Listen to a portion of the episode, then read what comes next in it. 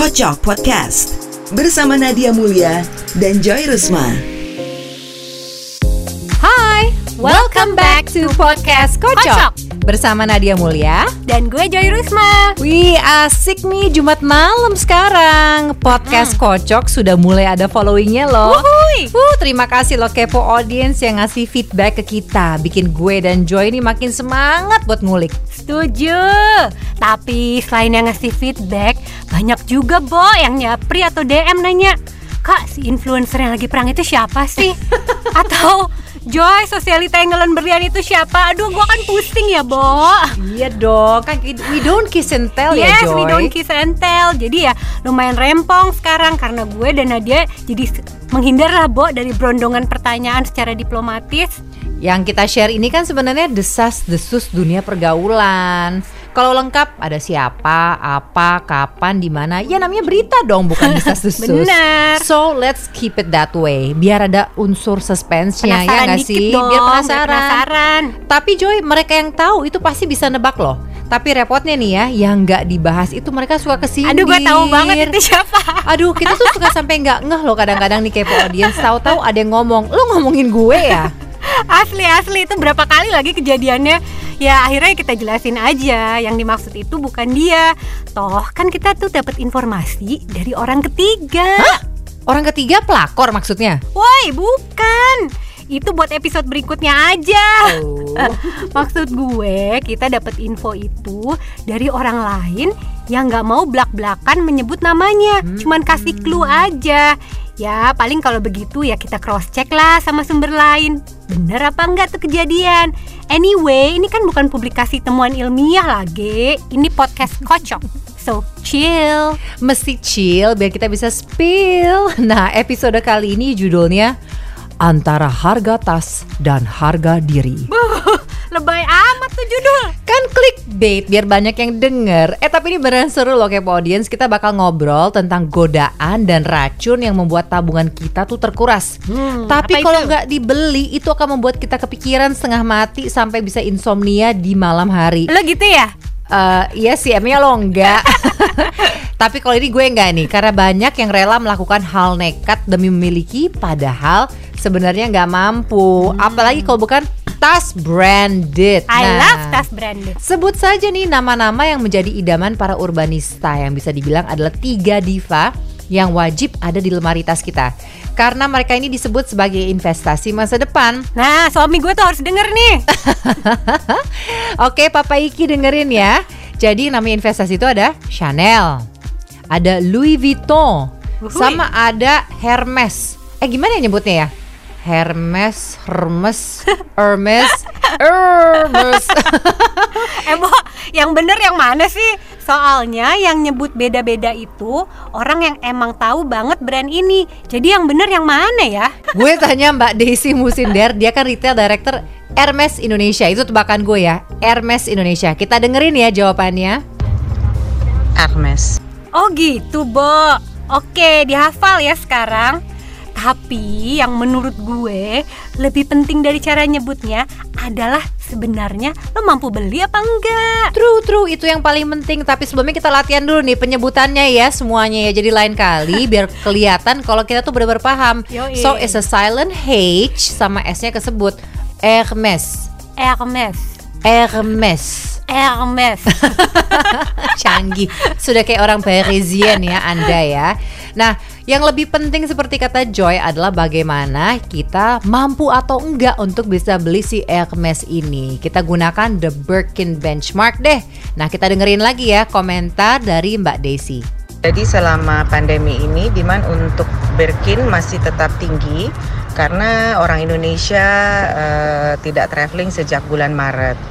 Sehingga mereka eh, yang biasanya belanja di eh, negara lain sekarang mau nggak mau harus di Indonesia dan em, apa namanya tergantung warna ya ada warna yang available kalau misalnya mereka request warna khusus berarti harus tunggu dalam arti kalau warnanya itu ada di eh, list order dari market kita berarti tinggal eh, dicek apakah itu uh, masih available atau tidak.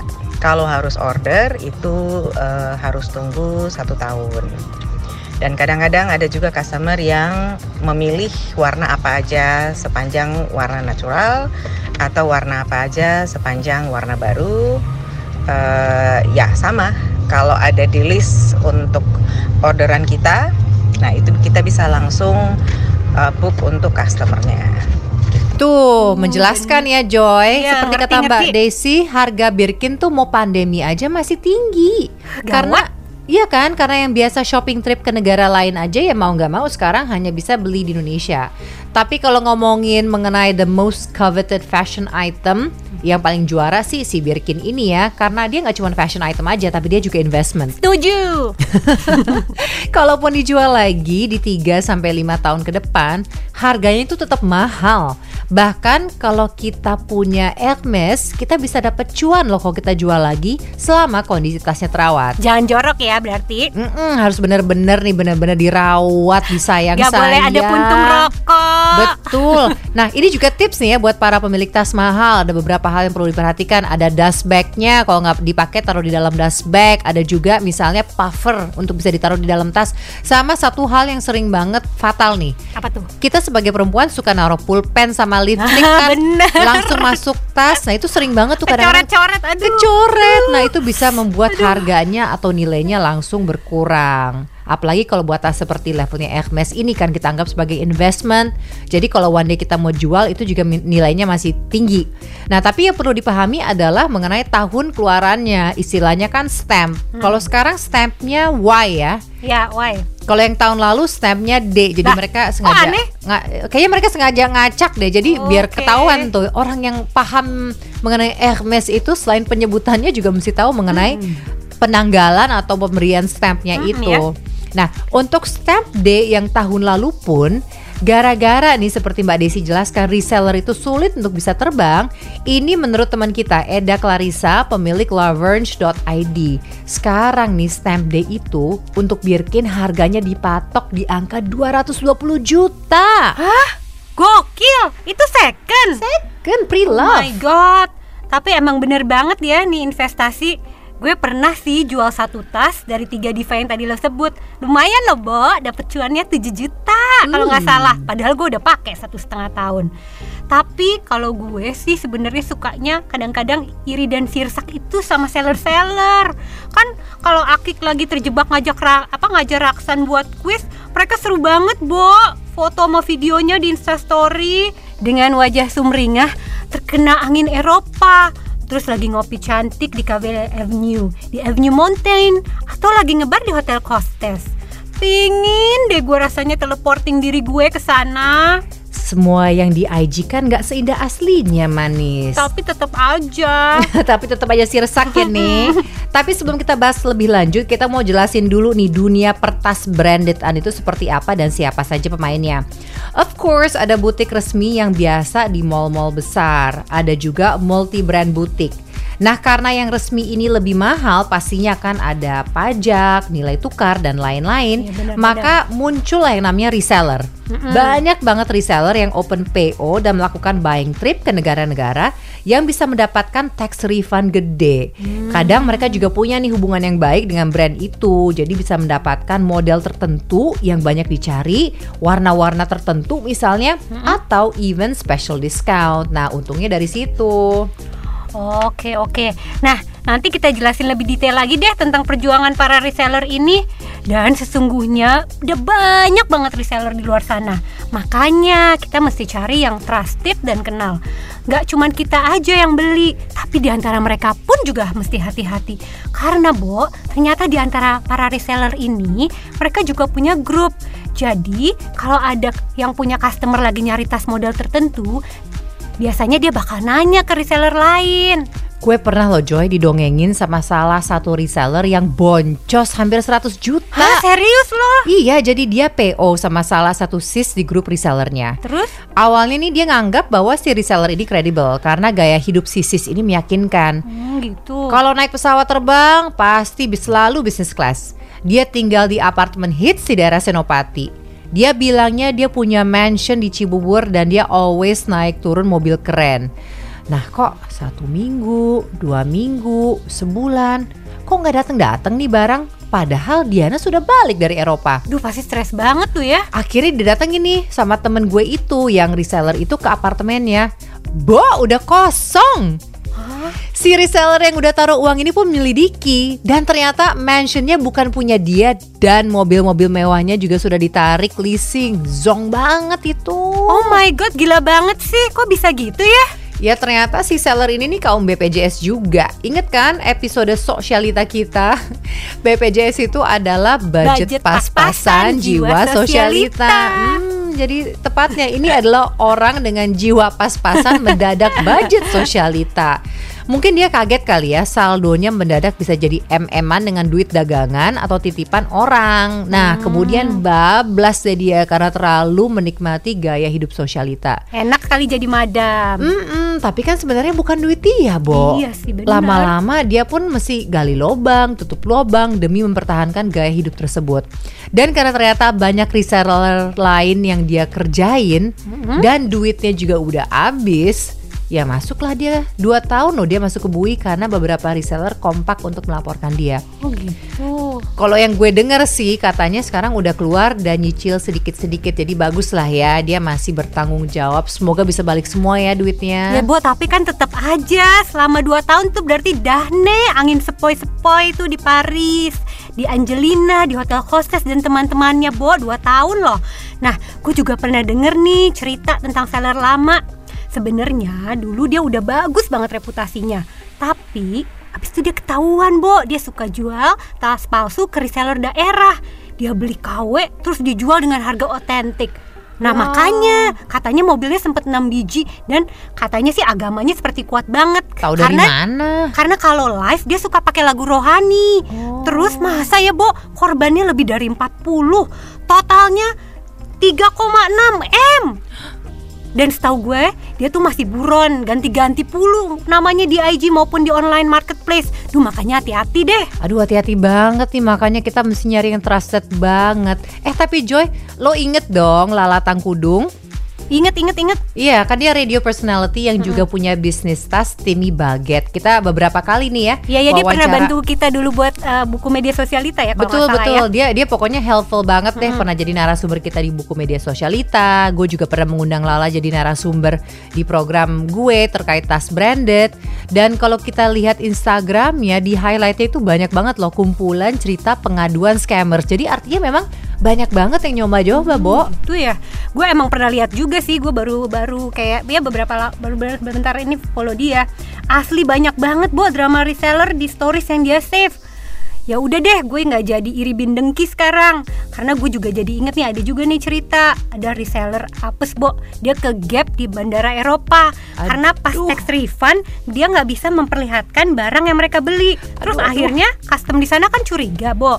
Nah, habis itu apes karena dia ini digeledah dua reseller ini. Aduh kok nightmare sih kok gue jadi ikut deg-degan sih dengerinnya. Iya, Bo, terus tau gak sih? Dia kan kelihatan dong barang belanjaannya itu kan puluhan ribu dolar karena itu sebenarnya adalah hasil dari PO sisis lain. Uh-uh. Terus yang anehnya, Bo, mereka tuh sampai bawa rice cooker.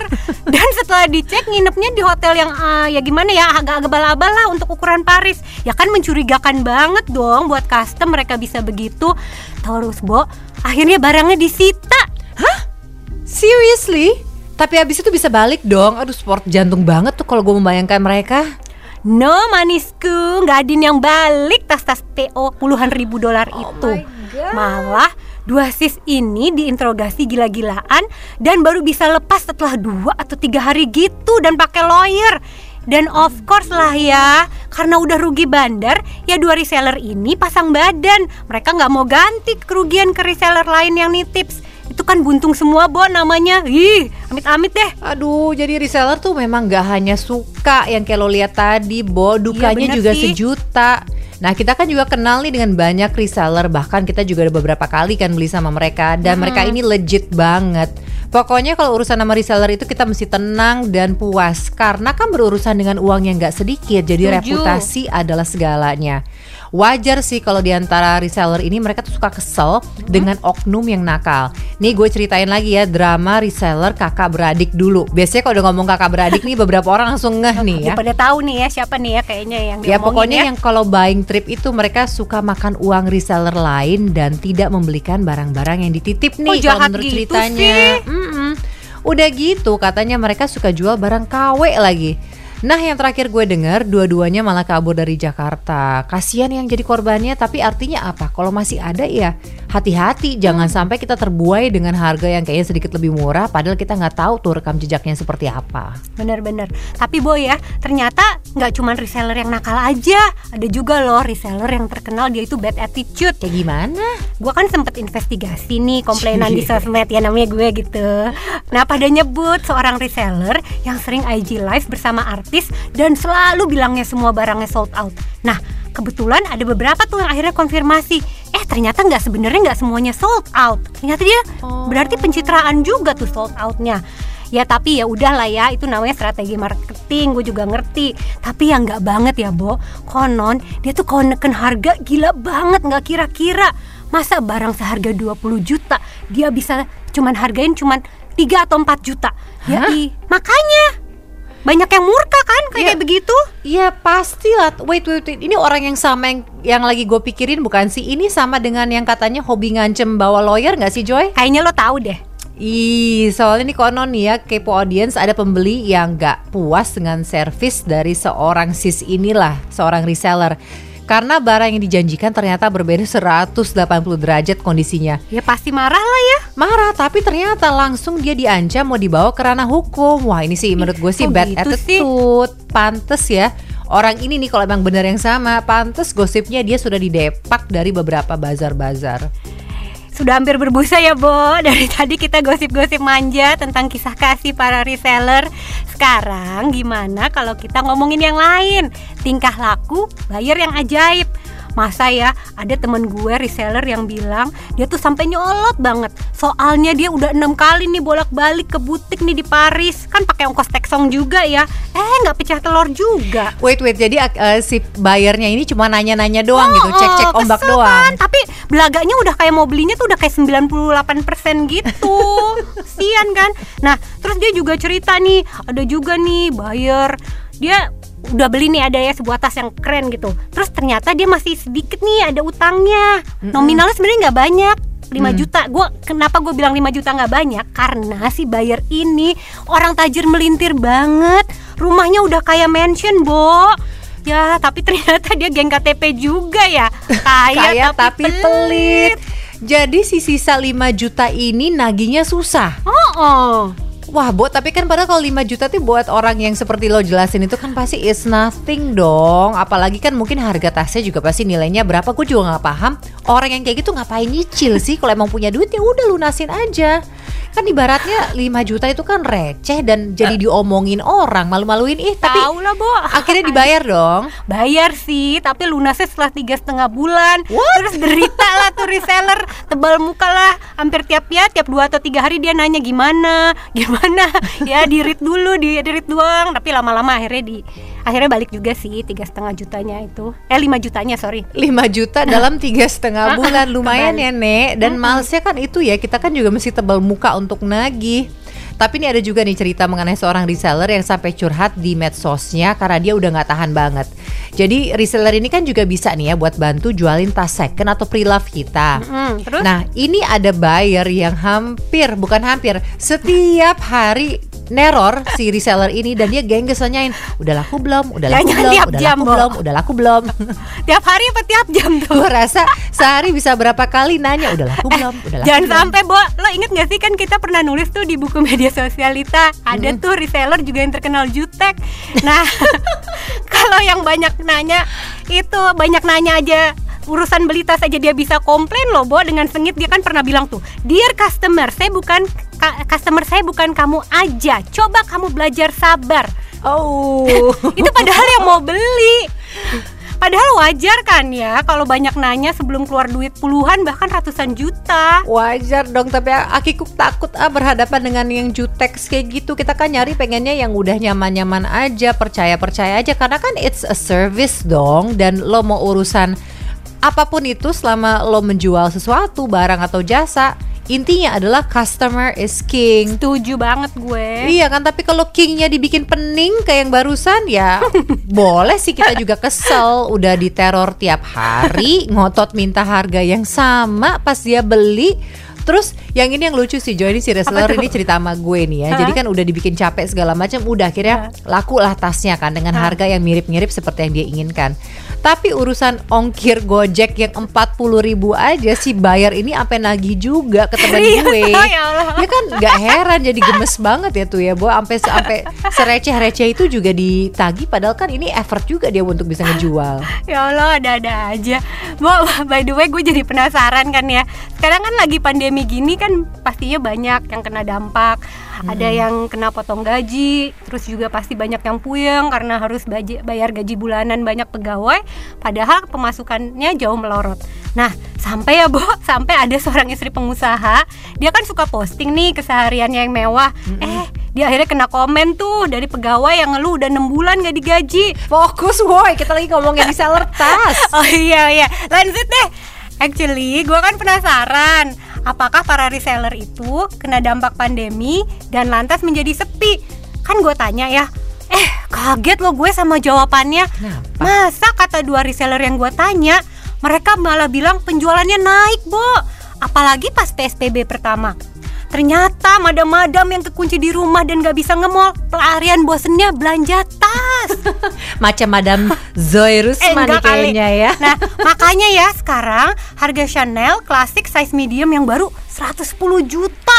Gokil macam beli Hermes.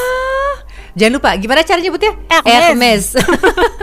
Wah sadis banget Tapi iya sih gue juga dengar tuh sekarang Chanel Classic lagi naik daun Dan naik mulu harganya Oh my goodness Dari Wah gue inget ya dulu kayak gitu kayak masih 30 jutaan Sekarang 110 Ih, gila ya. juta Tapi bener juga sih kata Mbak Desi sih Jadi mungkin bagi beberapa kalangan pandemi itu memang tidak mengganggu Justru malah bikin mereka semakin getol gitu loh Ingin menyalurkan hasrat mereka untuk belanja Karena bosen ya. Uh-uh. Aduh enak banget ya. tapi tapi lo sempet dengar nggak sih ini ini gua nggak tahu ya ini wacana katanya tahun 2021 tahun depan nih di Inggris bakal keluar peraturan no tax refund. Waduh, bencana banget tuh buat para sis. Iya kan gimana mereka mau cuan kalau ternyata harga nanti bakal mirip-mirip sama kalau kita beli di Jakarta. Gimana mau cover uang tiket, uang akomodasi, gimana mau cover uang mereka lagi ngafe-ngafe seperti yang bikin iri lo itu.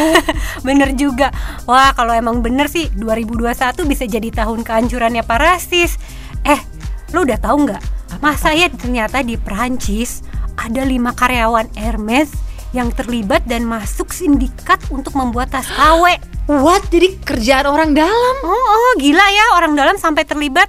Yang gue baca di artikelnya, satu orang karyawan itu menyuplai detail dekorasi tas dan empat sisanya adalah artisan bener gak sih artisan kulit Artisan? artisan kulit untuk memastikan tas palsu tersebut biar mirip banget sama yang asli gokilnya tas-tas palsu itu laris dengan harga 374 juta sampai 571 juta satu item. Ya ampun, itu kan pasti exotic skin semua. Lu nangis gak sih lo kalau bayar segitu taunya pelsong? Bah gue baca keuntungannya pun sampai 2 juta euro atau sekitar 33 M. Ah, aku masih nggak habis pikir sih barang palsu aja kok bisa sampai setengah miliar kayak gitu Makanya. sih. Tapi ya wajar aja orang-orang nekat tersebut oknum-oknum itu mau melakukan hal itu karena kan keuntungannya jadi silau kali ya. Bener sih. Dan menurut gue sih mereka kayak gitu karena permintaannya tuh selalu ada Iya, kan hukum benar-benar. supply and demand. Mm-mm. Lo tahu kan? Sosialita yang wow banget itu Kata teman kita Banyak loh ternyata koleksi tas exotic skinsnya Itu palsu. Ih gak nyangka ya. Astaga, gue baru denger loh nih. Dia itu ketipu apa emang dia beli yang KW sih? Nah gue juga denger nih dari sumber terpercaya.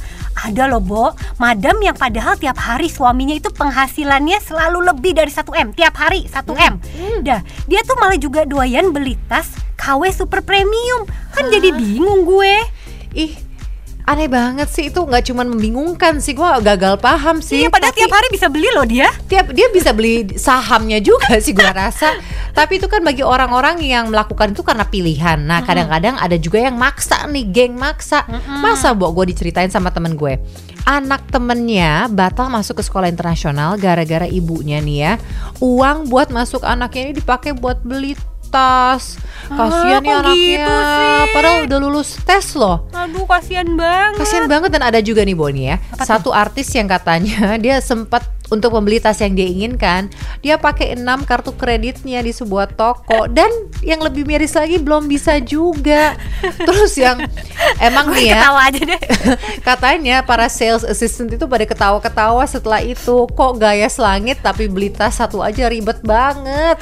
Aduh, kocak banget sih. Terus ada juga loh nih masa kasus dia bawa kabur uang arisan online, taunya cuman buat beli 10 tas mewah. Terus juga ada nih sosialita yang pede banget dia datang nih ke butik jam multibrand yang lux gitu. Terus dia minta jamnya dibenerin dan salesnya bilang, Bu kasat mata aja saya tahu itu palsu. Eh dia malah marah-marah bilang, kok nih butik nggak bisa benerin jam sih?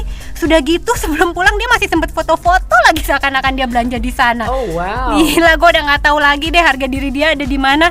Itu sosialita nggak tahu ya. Ada akun kan tuh uh, @brisbuster tuh atau akun akun Yeezy Basta yang galak dan suka ngetek mereka yang suka ketahuan pakai KW. Tuh gue suka follow tuh emang lucu banget sih ya dan ternyata bagi orang-orang yang paham ya real connoisseurs mereka bisa melihat loh hanya dari foto pun misalnya jam tangan nih mana yang asli mana yang palsu. Seru banget deh kepo audience mesti lihat nih ya. Tapi kalau ngomongin mengenai orang pakai KW menurut gue sih ya benar ya ada dua kemungkinan. Dia memang niat beli karena nggak mampu beli the real thing atau ini yang lebih miris lagi karena Aduh, dia kasihan. ketipu makanya jangan mau dibohongin sekarang gampang loh kalau kita mau tahu tas itu asli atau KW karena ada alatnya Oh, kalau gitu. zaman dulu kan kadang-kadang orang tuh suka nekat ya bawa ke dalam toko butik resminya Mm-mm, nah itu kan bener-bener. sebenarnya kurang kurang etis Elegan ya. dong Mm, kurang elegan. elegan dan memang para sales associate di situ mereka udah nggak boleh lagi nih untuk bilang tasnya itu untuk em, authenticity check namanya. Nah sekarang nggak usah repot-repot karena di La Verge ini ada alat untuk bisa deteksi keaslian tas. Dan selain itu kalau emang nggak mampu bisa nyewa juga loh. Nih kita dengerin ya Clarissa mau jelasin ke kita. Aku mau jelasin juga mengenai mekanisme sewa tas di Laverge. Yang pasti eh, setelah buka website kita dan cari page rental bags, di situ ada beberapa eh, form yang harus diisi, seperti eh, email address, terus udah gitu identitas diri, KTP, kakak, di mana dia tinggal, terus alamat rumah yang mencantumkan eh, billing statement ya. Jadi kayak rekening koran lah rekening koran satu bulan terakhir. Lalu sosial media sosial medianya Instagram Facebook LinkedIn harus aktif tidak boleh di lock Eh, nomor telepon yang pasti nomor WhatsApp kartu kredit terus buku tabungan tempat kerja. Eh, jadi misalkan kayak eh, company email terus udah gitu eh, business card uh, bisnis card yang bersangkutan dan juga teman teman uh, teman bisnisnya. Uh, lalu juga uh, company legal dokumen. Jadi benar emang dia kerja di situ gitu loh karena memang sistemnya harus uh, bener-bener real ya orangnya kita nggak mau yang orangnya nggak jelas gitu karena uh, resikonya kan juga sangat tinggi. Hmm, menarik ya penjelasannya. Nah, berarti kita bisa buat photoshoot untuk podcast kita juga dong. Bisa. Mekanismenya gimana tuh ya? Nih nih kita dengerin lagi ya. Eh, mekanismenya itu eh, ya boleh sewa per hari eh, maksimum mungkin kita baru saat ini maksimum seminggu ya brandnya brand-brand Eropa seperti Chanel, Hermes, eh, Gucci, YSL terus udah gitu eh, Prada terus Dior gitu harganya bervariasi start dari eh, mungkin 400 ribu sehari sampai mungkin em, satu juta lebih ya untuk eh, Hermes. Tapi kita nggak punya ya Kelly Birkin Constance kita nggak punya beberapa sih memang sudah request tapi saat ini uh, kita belum belum provide gitu. Uh, dan juga cerita lucu sih uh, beberapa uh, yang sewa tas ke kita itu bukan cuman cewek ternyata cowok juga gitu punya kebutuhan di mana mereka emang pengen tampil gitu ya buat uh, social media mereka. Jadi mereka sewa tuh buat photoshoot. Banyak kan sih memang orang film orang iklan agency gitu pada mau sewa. Tuh kan selalu ada solusi buat yang mau trendy selain rental, sekarang kan merek tas juga macem-macem. Mm-hmm. Banyak banget loh Joy, independent brand yang kualitasnya bagus. Banyak juga local brand. Iya, secara iya, iya kan secara Indonesia biang ya leather and exotic leather. Tinggal kita cari yang desainnya bagus, yang craftsmanshipnya rapi. Ini contohnya nih gue lagi pesen nih ada brand namanya Vimela. Ini kolaborasi Fitri Sahuteru dan juga Amalia Natadipura. Hmm, dan ini kulitnya, uh, ini kulitnya asli semua. Dia bisa di emboss kroko. Gitu. Bahkan katanya juga ada request menggunakan real kroko leather. Ada juga dari lizard. Pokoknya kalau lo lihat dan model-modelnya juga bagus banget. Secara mereka kan juga ngerti tas-tas mahal kan punya taste hmm. yang oke. Okay. Harganya dengerin nih cuma sekitar 2 jutaan sampai 6 jutaan. Oh oke okay dong ya. Ya oke okay lah ya lo nggak usah jual harga diri lo untuk bisa punya tas yang benar-benar kece kan. Nah ini ada yang menarik ini ada brand lagi nih ada brand lokal tepatnya di Bandung. Tapi si artisan ini dia berguru sampai ke Switzerland. Oh. Namanya adalah Jetala Aneyu. Wih namanya juga keren banget tuh. Agak susah memang nyebutnya tapi gue sempat uh, ngobrol sama si Ane yang punya. Uh -huh. Itu artinya adalah a journey in grace. Uh. Nah jangan salah ya Joy, walaupun ini brand lokal, model andalannya namanya The Natalia Bag itu uh -huh. waiting listnya, dengerin ya, ini masih ada drum roll. Dulu waiting listnya setahun, sekarang dua tahun. Hah? Serius kok jadi ngelebihin waiting listnya Hermes? That's what I said awalnya. Tapi uh, akhirnya gue ikutan juga dari setahunan yang lalu. Dasar lo.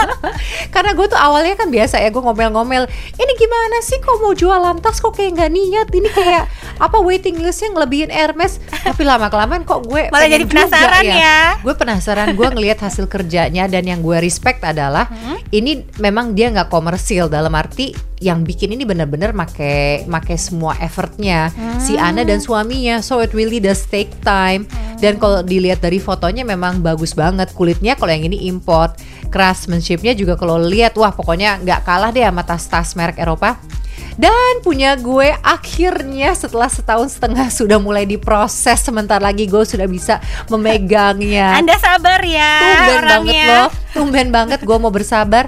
Ini gara-gara tahun lalu gue ngeliat si Kiki Siantar sama Ana Siantar pakai padahal itu mereka pertama kali pakai dan posting itu itu tahun 2016 dan tahun 2017 hanya modal dua influencer itu aja posting terjadilah waiting list setahun dan dua tahun ini. Kalau gue sih enggak sih, gue nggak sabar deh kayak gitu-gitu. Gue mending beli Elaine Glow tuh yang ada di Dharma Wangsa Square. Nah kalau zaman pandemi sekarang kan gue juga agak jarang nih ya pakai tas kulit. Jadi kalau grocery gitu gue prefernya tas plastik yang modelan mousse bag itu yang lo abis itu hmm. tinggal semprot sama lap. Modelnya kece, juga kece-kece loh dan harganya juga terjangkau. I like it. Makanya nggak mesti kok selalu tas branded yang bikin boncos. Banyak lagi kok yang kece disesuaikan aja sama kemampuan kita. Setuju. Masa antara harga tas dan harga diri lebih mahal harga tas? Oi. Eh tapi kalau ngomongin tas emang gak ada habisnya ya. Kayaknya kita mesti bikin nih sambungannya. Setuju. Kita udahan dulu deh. Terus abis ini kita cari informasi lagi dengan informan andalan-andalan kita. Yes, nantikan ya kepo audience cerita dari kaum arisan ladies sosialita, urbanista, dan selebgram dengan segala keseruan dan kehedonannya. See you next Friday night. And stay kepo. Kamu baru saja mendengarkan Kocok Podcast bersama Nadia Mulia dan Joy Rusma. Nantikan episode Kocok berikutnya.